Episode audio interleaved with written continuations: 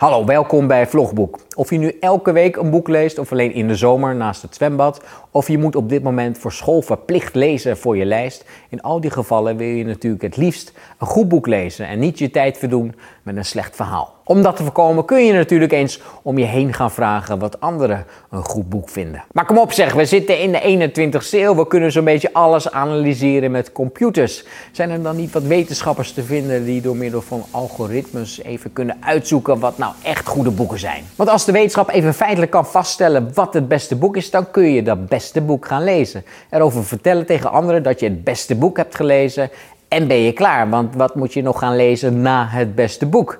De rest valt sowieso tegen. Dus wetenschap, doe je ding. Ik wacht.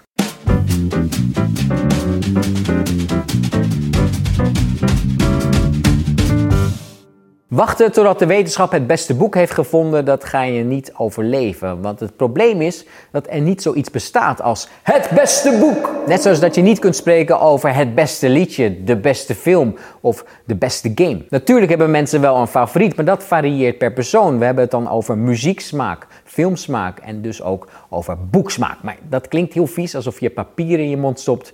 En dus spreken we over literaire smaak. Maar als je net begint met het lezen van literatuur, dan heb je misschien nog ineens literaire smaak. Want je weet niet eens welke smaken er allemaal zijn. Dus wellicht kan het dan toch geen kwaad om eens te kijken naar wat andere mensen die wat meer boeken hebben gelezen, dan mooie boeken vinden. Je kunt de mensen om je heen eens vragen of werknemers bij een bibliotheek of een boekwinkel. Zoek eens wat recensies op of kijk naar booktubers die hun favoriete boeken presenteren. Nou, dit is dus echt mijn nieuwe favoriete boek. Ik, ik moet hem nog lezen, maar ik vind de kaft heel mooi. Je kunt natuurlijk ook terecht bij boekenlijstjes. Die zijn samengesteld op basis van de voorkeuren van verschillende lezers. Bij de Hebban 1000 won in de eerste versie The Lord of the Rings van Tolkien. En afgelopen jaar won de thriller Ik ben pelgrim van Terry Hayes. Het tv-programma DWDD organiseerde in 2016 de verkiezing Het belangrijkste boek van Nederland en de uitslag was verrassend. Op nummer 1 stond de Bijbel voor het achterhuis van Anne Frank en daar is hij weer in de band van de ring. Maar belangrijk betekent waarschijnlijk niet het beste, want de Bijbel is nou niet bepaald een page-turner die je ademloos van voor naar achteren uitleest. Zo hé, in zeven dagen. Wat gaat hij in de rest van het boek dan nog allemaal doen? Er kleven dan ook wat nadelen aan dit soort stemlijstjes. Aan de ene kant komen boeken hoog in de lijst die mensen misschien niet het best vonden, maar die wel het vaakst werden genoemd. En dat kun je uitproberen in een groep, bijvoorbeeld in een klas, door iedereen zijn tien favoriete films te laten opschrijven.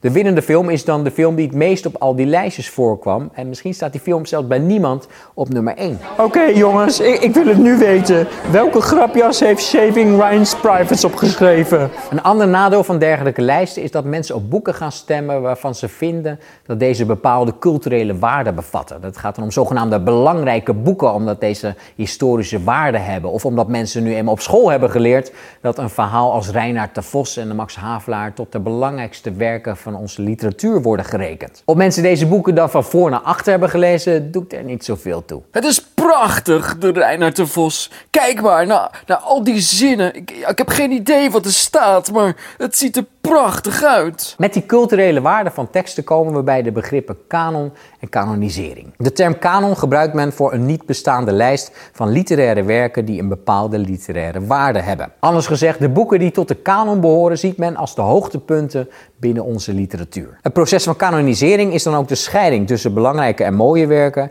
en de werken die vergeten kunnen worden. Zeg Patricia, heb jij die kanonlijst nog ergens zien liggen? De kanon is dus een onzichtbare lijst. Juist doordat niemand weet welke werken er precies op staan, zorgt dit voor eindeloze discussiemogelijkheden. Veel mensen zijn het erover eens dat het toneelstuk Gijsberg van Amstel van Joost van der Vondel tot de kanon behoort, net als de poëzie van de tachtigers. Dat is dan ook de reden dat deze literatuur op school bij literatuurgeschiedenis wordt behandeld. Buiten de kanon vallen de vergeten schrijvers. Zoals het 19e-eeuwse Hilda van Zuilenberg van Cecile de Jong van Beek en Donk of de opstandige van Jo van Ammers-Kuller. Wie? Nee, nooit van gehoord. Kijk, dat bedoel ik. En het is niet helemaal toevallig dat ik hier nu twee vrouwen als voorbeeld doe. Maar daar kom ik straks op terug. De DBNL, een digitale bibliotheek vol historische teksten, wilde die onzichtbare lijst van de kanon wel zichtbaar maken en hield in 2002 een enquête onder letterkundigen om te bepalen welke werken op die ultieme lijst zouden moeten staan. De top 3 bestond uit De Avonden van Gerard Reven, Van den Vos Reinaarden en op nummer 1 stond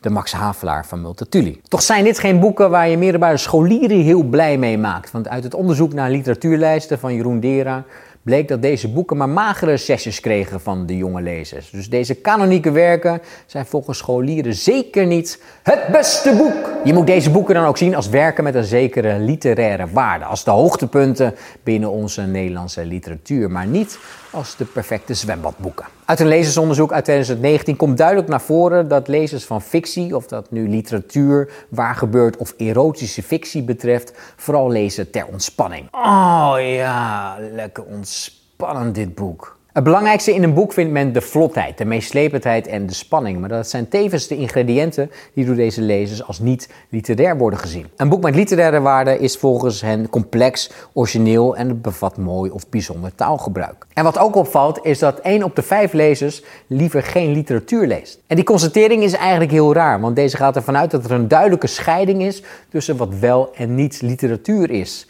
Dat er boeken zijn met literaire waarde en boeken zonder. Niemand zal ontkennen dat er een verschil in literaire waarde zit tussen de Max Havelaar en Ik ben Pelgrim. En toch is het voor wetenschappers lastig te duiden wat nu precies literaire waarde is. Maar wellicht dat hier dan een computeranalyse uitkomst kan bieden. Het Huygens Instituut heeft de afgelopen zeven jaar onderzoek gedaan naar literaire kwaliteit in hun onderzoeksproject The Riddle of Literary Quality. Een omvangrijk onderzoek binnen de computational science. Men heeft onder andere lezers vragenlijsten laten invullen waarin zij moesten aangeven welke boeken zij wel of niet literair vonden op een schaal van 1 tot 7. En diezelfde boeken werden door computers geanalyseerd op woordgebruik, zinslengte en woordlengte. En zo hoopte men een verband te vinden tussen de feitelijke analyseerbare elementen in een tekst en de literaire waarde die door de lezers aan deze teksten werden toegekend. Een van de meest opvallende conclusies werd beschreven door onderzoekster Corina Kolen in haar proefschrift Reading Beyond the Female. Zij stelt hierin vast dat literaire waarde, toegekend door lezers, maar ook door literaire juries, wordt beïnvloed door het geslacht van de schrijver. Zo waren de tien werken die in dit onderzoek als het meest literair werden gezien, geschreven door een man. En Kolen constateert daarnaast dat de meeste literaire prijzen nog steeds naar mannelijke schrijvers gaan. Even kijken hoor. Ja, dit schrijvende exemplaar is een mannetje. Daarmee is dit onderzoek ook een vorm van kritiek op de kanon, namelijk dat die denkbeeldige lijst van goede boeken voornamelijk uit werken van mannelijke schrijvers bestaat. En dat we wel wat meer oog zouden mogen hebben voor het werk van schrijfsters uit het verleden. Hoppa, een vrouwtje en morsdood. Nou, nu maar hopen dat ze iets geschreven heeft. Het belangrijkste wat je wellicht voor jezelf als lezer uit dit onderzoek kunt halen is dat je niet neutraal kunt lezen. Zelfs juries en ook recensenten hebben last van stereotypen en vooroordelen. Als voorbeeld bespreekt Kolen de reacties op boeken die over het gezinsleven gaan. Heel gechargeerd wordt dit bij mannelijke schrijvers als iets positiefs gezien, met lef geschreven, maar bij vrouwelijke schrijvers wordt het als negatief gezien. Het is dan te burgerlijk of te emotioneel. Een vooroordeel van een lezer zou kunnen zijn dat vrouwelijke auteurs meer aandacht besteden aan uiterlijk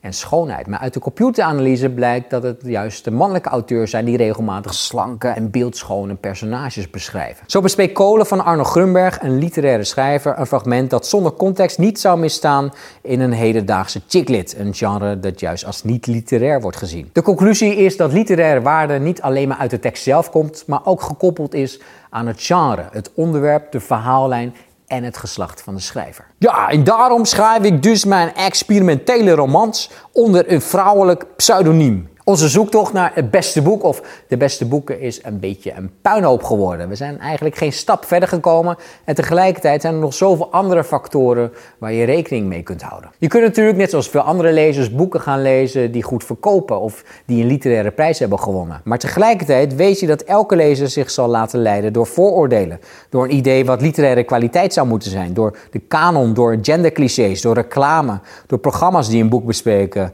en door een auteur die is. Je kunt er gewoon echt niet van uitgaan dat anderen voor jou kunnen bepalen wat een goed boek is. Hoe harder mensen roepen dat iets een goed boek is, hoe meer je hun mening eigenlijk moet wantrouwen. Want waarom roepen ze dat zo hard? Het werd gisteren besproken op tv en vandaag is het bij ons in de winkel. Dit boek moet je hebben. Een goed boek moet je echt zelf ervaren. En net als bij een goede film of serie of dat geniale liedje moet je daarbij uitgaan van een zoektocht. En als je daarbij steeds in je achterhoofd houdt dat je het beste boek nog moet gaan lezen, dan kun je je steeds opnieuw door elk boek laten verrassen.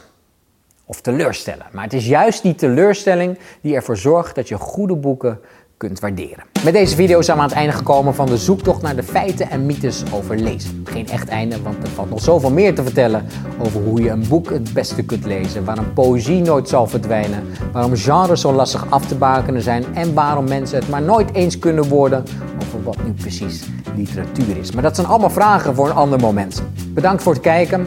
Nu is het eerst weer even tijd om wat te gaan lezen.